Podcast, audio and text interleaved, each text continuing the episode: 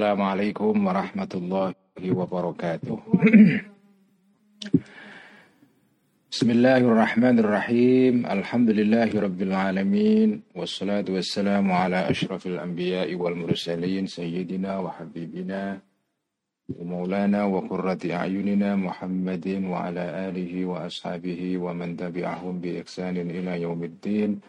رب اشرح لي صدري ويسر لي أمري واحلل عقدة من لساني يفقه قولي رب زدنا علما وارزقنا فهما آمين ya rabbal alamin amma ba'd Teman-teman semua, mari kita ngaji, ngaji kitab Faisalut Tafriqah ila ruhi nabiyina wa syafina Muhammadin sallallahu alaihi wasallam ila arwahi ikhwanihi minal anbiya'i wal mursalin ila arwahil ali wal ashabi ajma'in وإلى أرواح الأولياء والشهداء والصالحين والأئمة المجتهدين والمؤلفين والمصنفين خصوصا إلى روح سلطان الأولياء الشيخ عبد القادر الجيلاني وإلى روح سيد الطائفة الإمام الجنيد البغدادي وحجة الإسلام أبي حامد الغزالي الشيخ الأكبر محي بن عربي وإلى روح الإمام أبي الحسن الشاذلي وإلى أرواح أولياء الله تعالى في أرض نسندرة ونخص خصوصا أرواح ولسان وروح ولي الله جدنا بأحمد متمكن.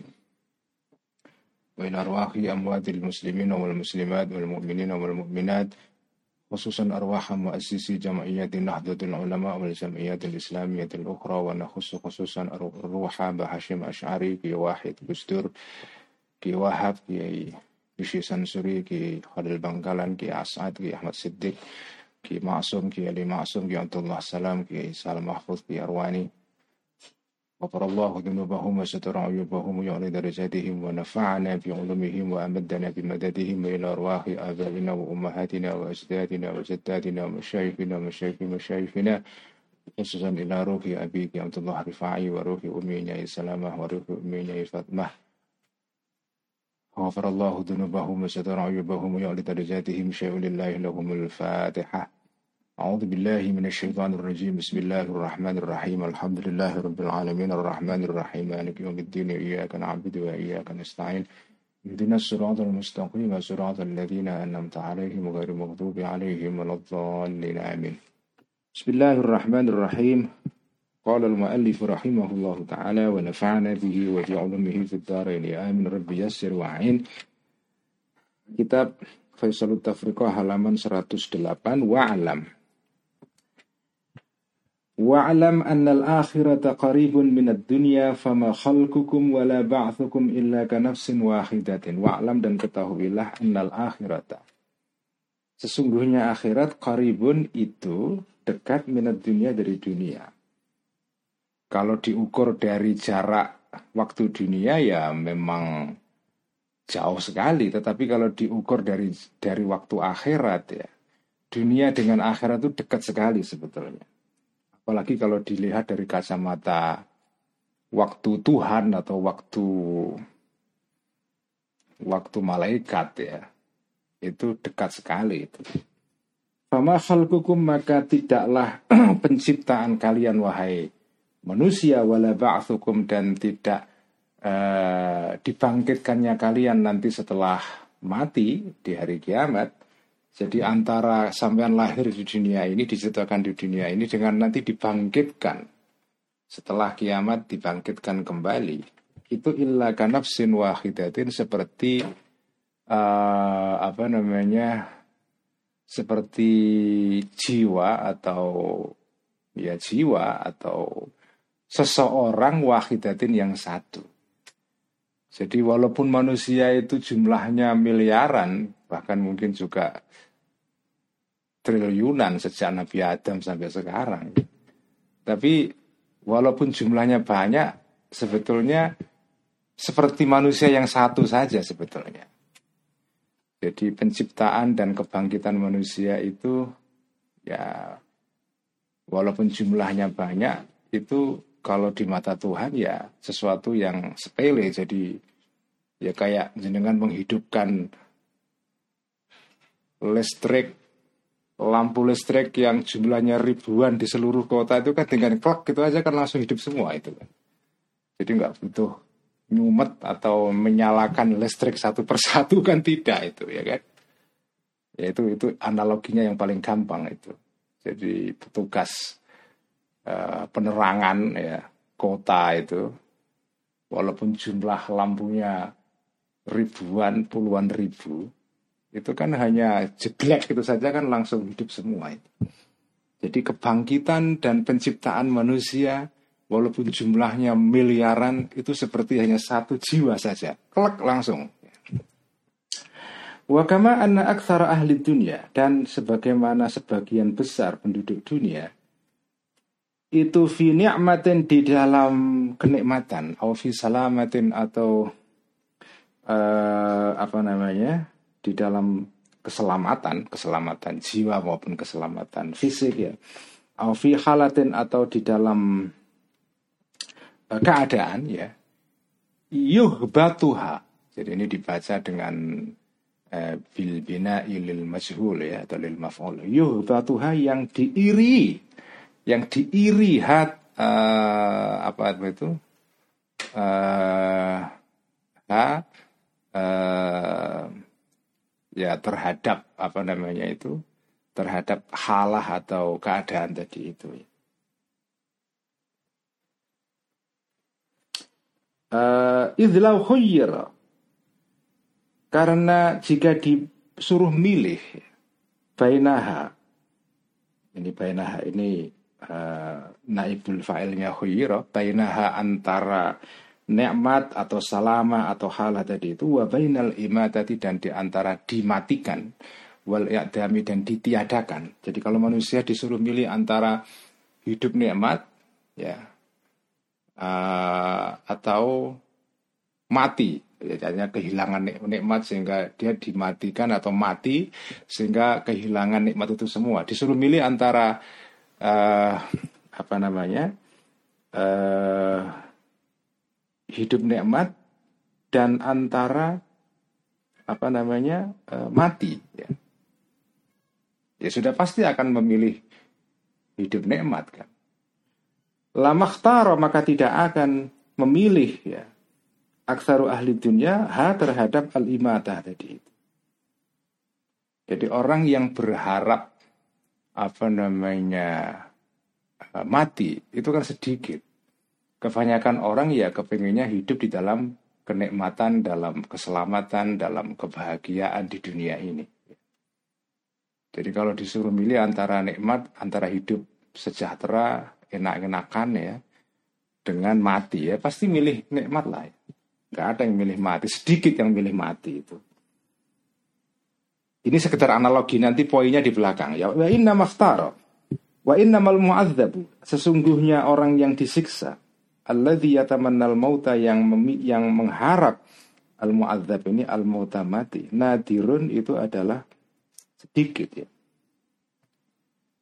An-nadirun itu sedikit. Fakadzalika maka begitu juga maka sebagaimana sedikitnya orang yang berharap mati, al-mukhalladuna eh, orang yang apa namanya di dilanggengkan yang berada secara langgeng finari di dalam neraka bil idhafati di dalam hubungannya atau dalam dibandingkan maksudnya ilan najina terhadap orang yang selamat wal mukhrajina dan orang yang dikeluarkan minha dari neraka fil akhirati di dalam akhirat nadirun itu adalah langka sekali.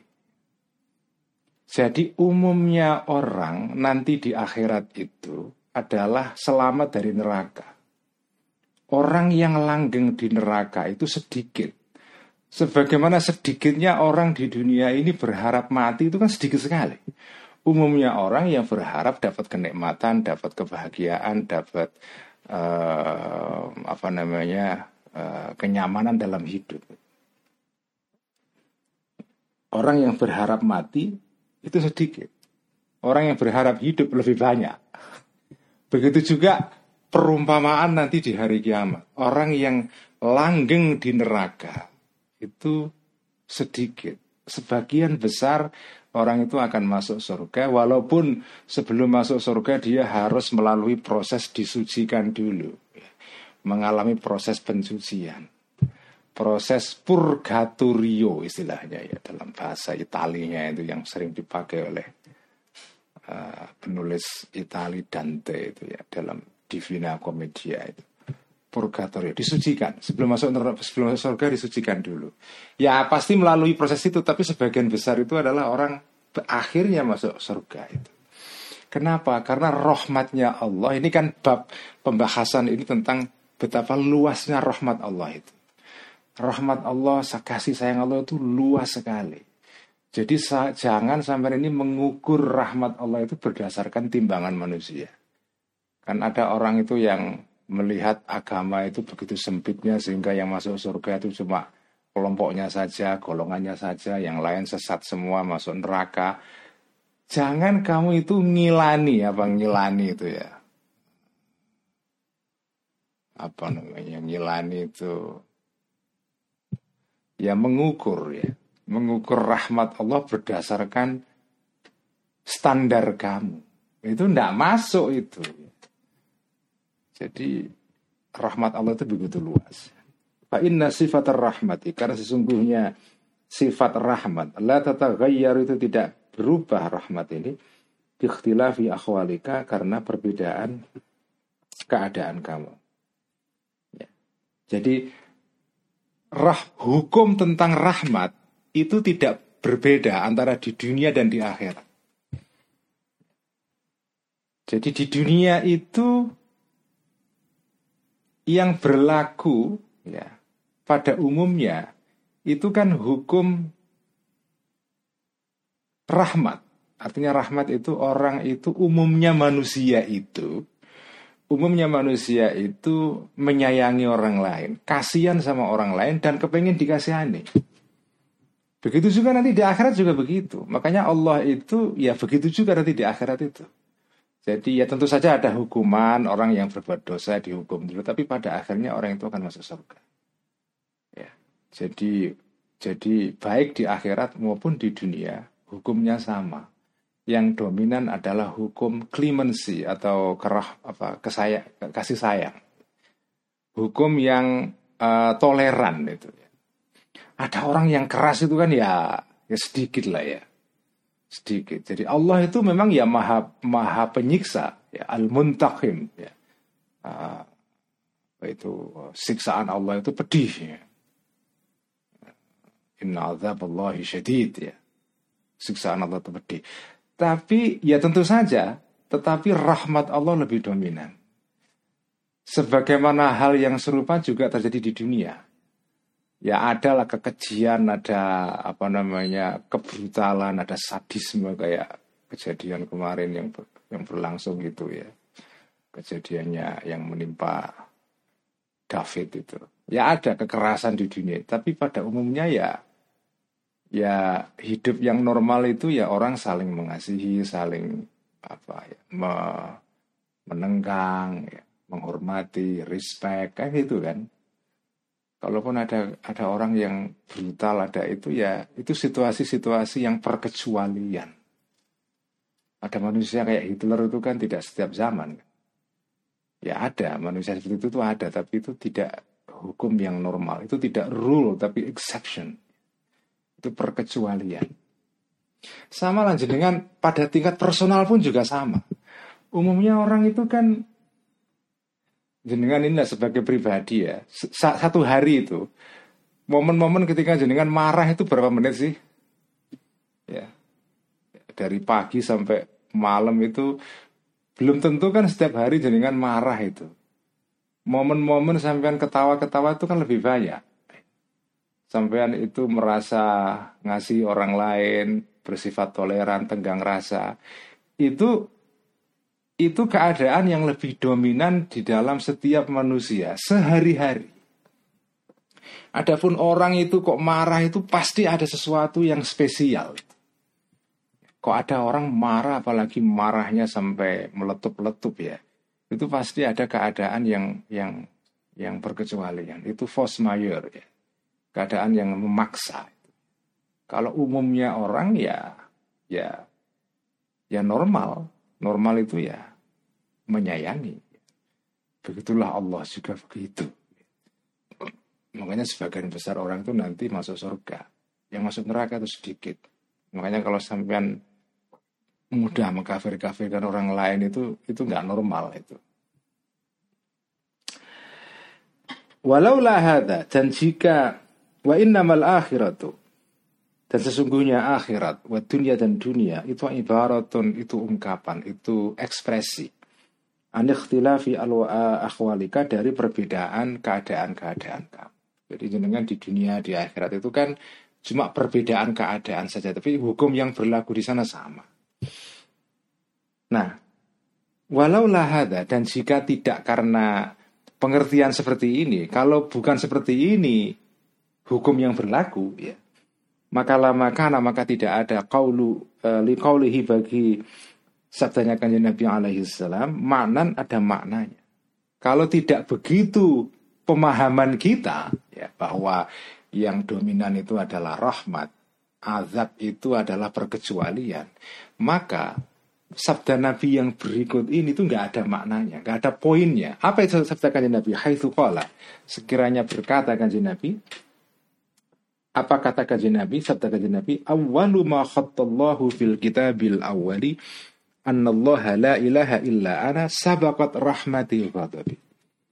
Awaluma pertama-tama sesuatu Khoto yang menulis terhadap sesuatu tadi itu Allahu Allah fil kitabil awali di dalam kitab pertama Kitab purba Jadi dulu itu Allah menulis di dalam kitab purba Ya kita nggak tahu kitab apa ini Tapi pertama yang ditetapkan oleh Allah itu Adalah Anallahu la ilaha illa ana Anak aku Allahu adalah Allah. Aku ini Tuhan. La ilaha illa ana. Tidak ada Tuhan kecuali aku. Itu poin pertama. Itu adalah uh, hal pertama yang ditulis oleh Allah, ditetapkan oleh Allah. Tidak ada Tuhan selain aku. Sabakot. Yang kedua sabakot. Mendahului rahmati kasih sayangku Allah. Godobi terhadap kemarahanku. Itulah hal pertama yang apa namanya kalau ibarat raja itulah sabda Allah yang pertama. Yang pertama adalah aku adalah Tuhan, tidak ada Tuhan selain aku. Yang kedua, kasih sayangku, rahmatku itu mendahului marahku. Jadi marah itu perkecualian. Yang dominan di dalam Allah adalah rahmat. Ya, tadi itu contohnya sebagai kan manusia itu kan citranya Allah. Dalam Kristen dikenal ajaran tentang imago Dei.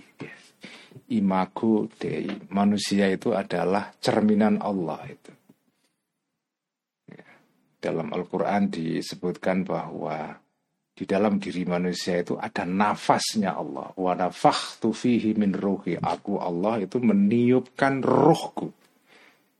Jadi dalam diri manusia itu ada unsur ketuhanan. Karena itu sifat-sifat Tuhan itu juga nembus ke dalam uh, diri manusia. Nah, sebagaimana Allah itu rahmatnya lebih dominan mengalahkan marahnya, murkanya maka begitu juga manusia. Manusia itu setiap hari kalau dengan persentase, ya, persentase dia bersikap normal, kasih sayang, menenggang teman-temannya itu lebih dominan daripada marahnya dia. Marah itu hanya terjadi dalam situasi-situasi yang sangat-sangat-sangat spesifik, sangat spesial. Sebagaimana Allah begitu, maka manusia juga begitu juga. Jadi manusia ini watak-wataknya sebagian ya itu adalah meniru Allah itu. Walaupun dalam manusia juga ada unsur unsur kehewanan atau kebinatangan, kejahatan, kesetanan itu ada juga. Tapi dalam diri manusia juga ada unsur ketuhanan. Ya manusia ini memang makhluk yang kompleks ya.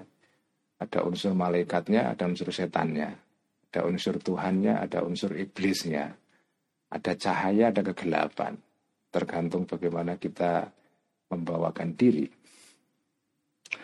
Faman maka barang siapa syahida yang bersaksi orang ini an la ilaha illallah sesungguhnya tidak ada Tuhan selain Allah. Orang yang bersaksi seperti ini wa anna Muhammadan dan sesungguhnya Muhammad abduhu adalah hambanya Allah wa rasuluhu dan utusannya Allah maka falahul jannat. Bagi orang ini al jannatu surga jadi syarat masuk surga sederhana seperti ini aja. Barang siapa bersaksi tidak tidak ada Tuhan selain Allah dan Muhammad adalah utusan Allah itu adalah uh, passcode ya. apa namanya uh, apa namanya ya tiket ya. Tiket untuk masuk surga itu.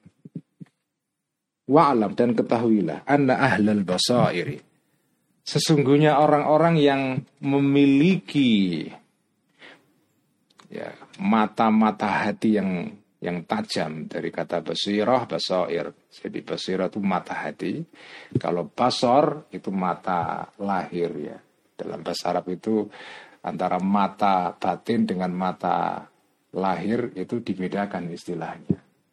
Kalau mata lahir itu bahasa Arabnya basorun, mata. Tapi kalau basirotun itu adalah mata cuma mata batin.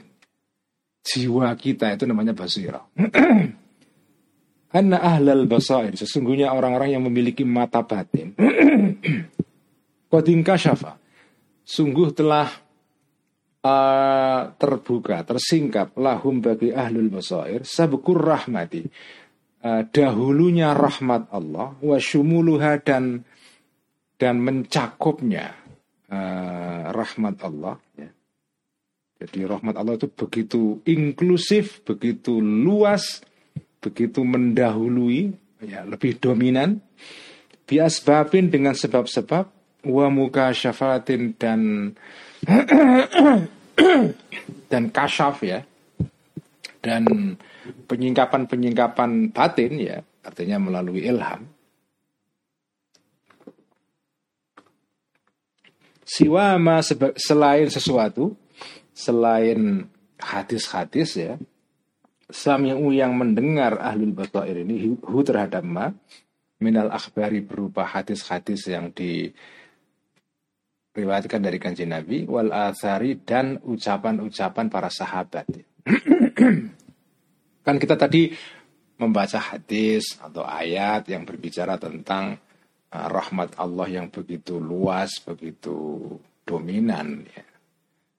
Itu kan itu kan keterangan ayat dan hadisnya. Tapi kalau orang yang orang ahli hakikat, ya, ahli ilmu kesejatian ya, yang mempunyai kemampuan untuk menangkap ilham dari Allah langsung, para wali-wali lah. Mereka itu bisa mengetahui tentang rahmatnya Allah yang begitu begitu luasnya itu. Itu bukan dari wahyu, tapi langsung dari pengalaman batinnya. Mereka bisa merasakan itu orang-orang yang punya ketajaman basiroh, punya ketajaman mata batin, itu bisa merasakan betapa luasnya dan betapa besarnya rahmatnya Allah dan rahmat Allah ini lebih dominan daripada azabnya. Itu berdasarkan pengalaman batinnya. Nah, walakin zikru dzalika tetapi menerangkan hal itu ya tuli itu akan panjang dzalik. Jadi nggak perlu diterangkan di sini. Tapi kalau orang yang punya pengalaman batin ya akan tahu pengalaman ini. Fa'abshir, maka gembiralah engkau birahmatillahi terhadap uh, rahmatnya Allah Ta'ala wabin najati dan karena keselamatan al-mutlaqati yang mutlak. Keselamatan mutlak artinya keselamatan yang diberikan oleh Allah semacam apa ya amnesti yang amnesti yang umum ya blanket uh, blanket amnesti pengampunan yang yang yang umum ya tidak hanya keselamatan yang sifatnya partikular spesifik hanya untuk berlaku terhadap orang-orang tertentu enggak jadi keselamatan yang mutlak. Karena apa? Karena Allah itu rahmatnya tadi itu luas sekali. Jadi siapa pun dapat rahmat ini tanpa pilih kasih. Asal memenuhi syaratnya. Yaitu iman kepada Allah. berbuat baik, sudah selesai itu. Enggak peduli madhabnya apa, akidahnya apa. Ya karena kan akidah itu kan macam-macam dalam Islam itu ada banyak jenis-jenis akidah itu ya. Nah, apa namanya ada akidah Sunni pun juga banyak sekali versinya. Ya. In jama'ata jika mengumpulkan engkau bainal imani antara iman wa bainal amali dan antara amal atau pekerjaan perbuatan yang soleh.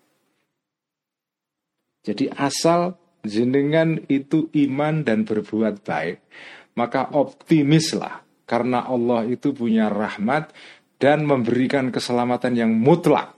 Jadi semacam keselamatan yang diberikan secara umum kepada siapa pun asal memenuhi syarat ini. Wabil halaki dan dan apa namanya gembiralah engkau maksudnya ya waspadalah engkau. Kalau dalam hal ini wabil halaki bukan faabshir tapi apa namanya uh, wahdar ya.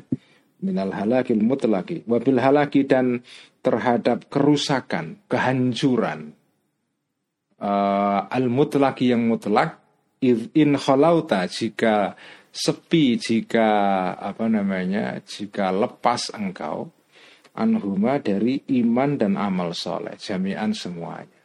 Kalau jenengan tidak punya dua-duanya ya jenengan rusak jenengan hancur. Jenengan akan celaka. Wa in kunta dan jika ada engkau sahiba yakinin itu memiliki keyakinan. Fi asli tasdiki di dalam pokok pembenaran. Kalau jenengan itu punya kan iman itu kan intinya tasdik, ya, mempercayai apa yang diajarkan kanjeng Nabi apa pun itu. Ya. Nah kalau jenengan sudah punya dasar itu pokok imannya sudah ada yaitu berupa tasdik tadi itu. Dengan percaya kepada ajaran kanjeng Nabi, tetapi wasahibah khata'in dan memiliki kesalahan fi ba'di ta'wilati di dalam sebagian takwil-takwilnya iman. Jadi ada orang yang punya dasar iman cuma kemudian mengembangkan penafsiran iman yang mungkin tidak sesuai dengan pakem yang dirumuskan oleh para ulama ini jadi dianggap sesat atau salah ya.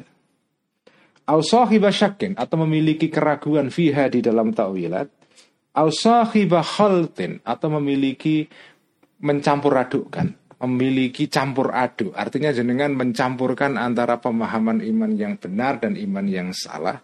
Bil, atau wasahiba khaltin dan ausahiba khaltin atau memiliki uh, pencampuran dicampur dengan kesalahan fil amali di dalam uh, tindakan-tindakan. Jadi imannya sudah benar cuma tindakannya salah.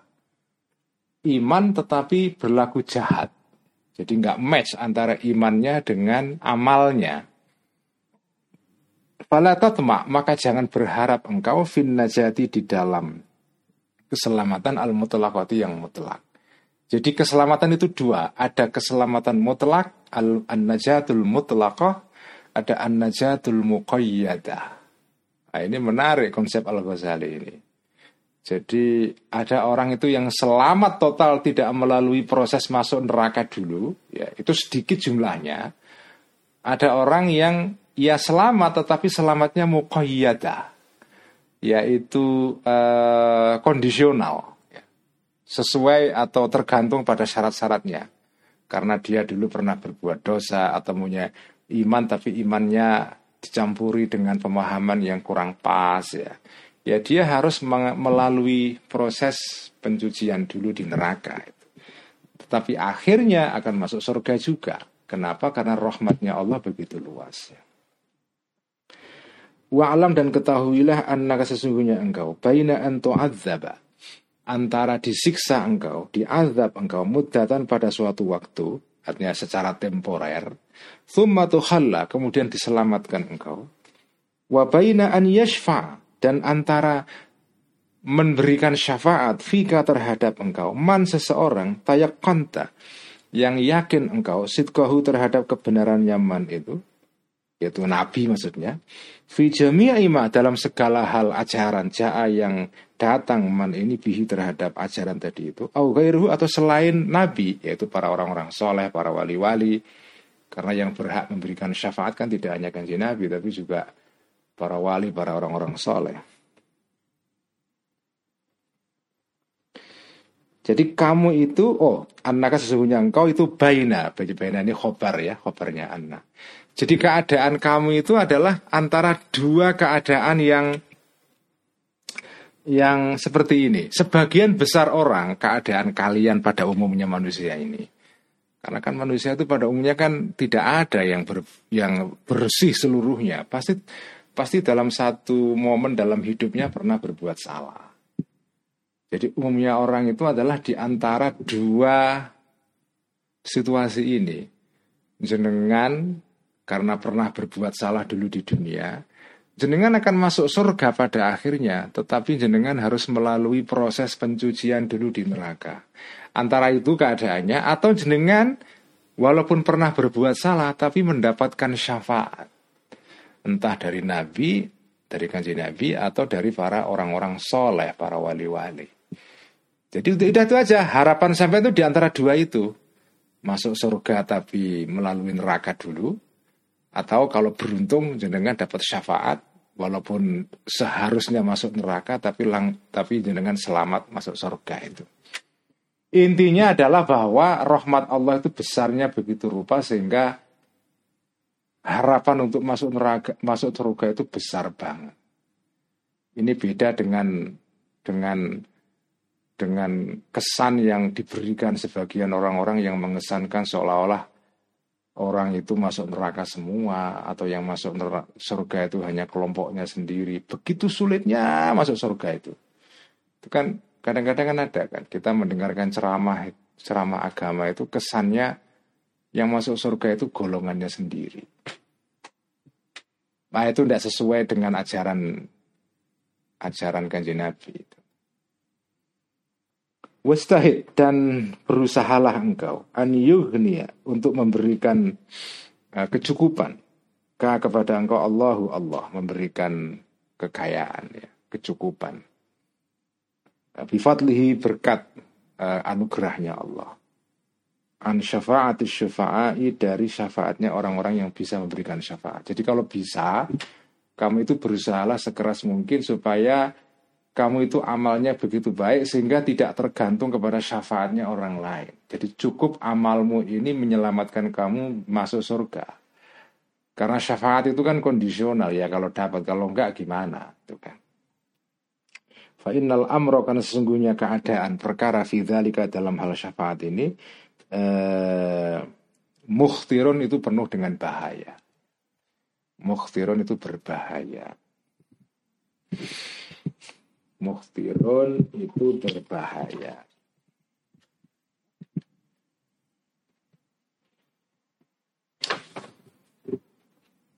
Sekian ngaji Faisal malam ini. Insya Allah dua pertemuan lagi khatam ini ya.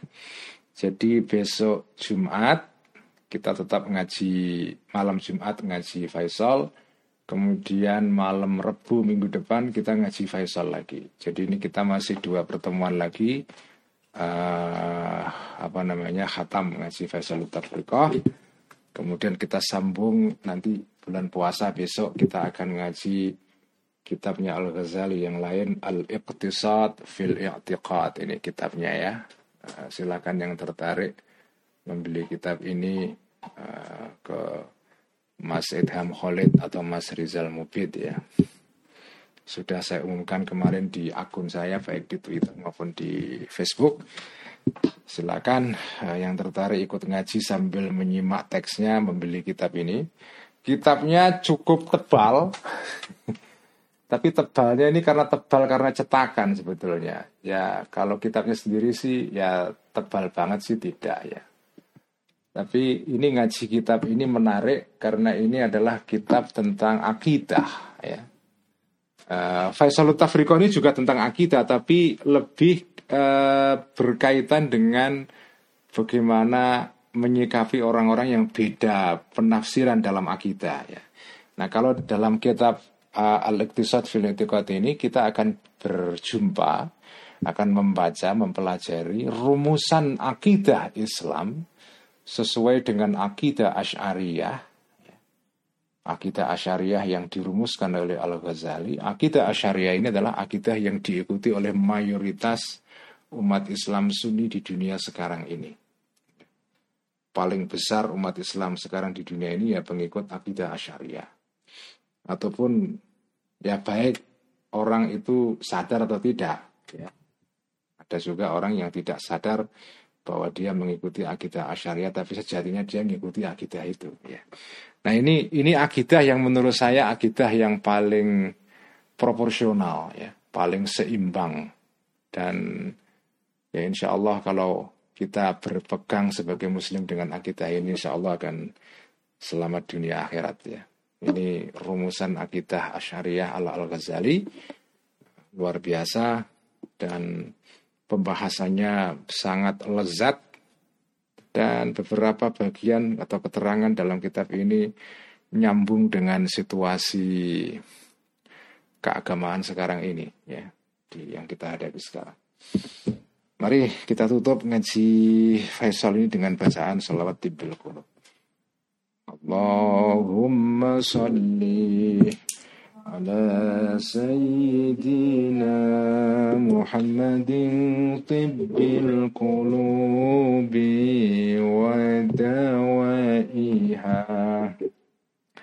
وعافية الأبدان وشفائها ونور الأبصار وضيائها وعلى آله وصحبه وسلم. اللهم صل على سيدنا محمد طب القلوب ودوائها وعافية الأبدان وشفائها ونور الأبصار وضيائها وعلى آله وصحبه وسلم. اللهم صلِّ على سيدنا محمد طب القلوب ودوائها وعافية الأبدان وشفائها ونور الأبصار.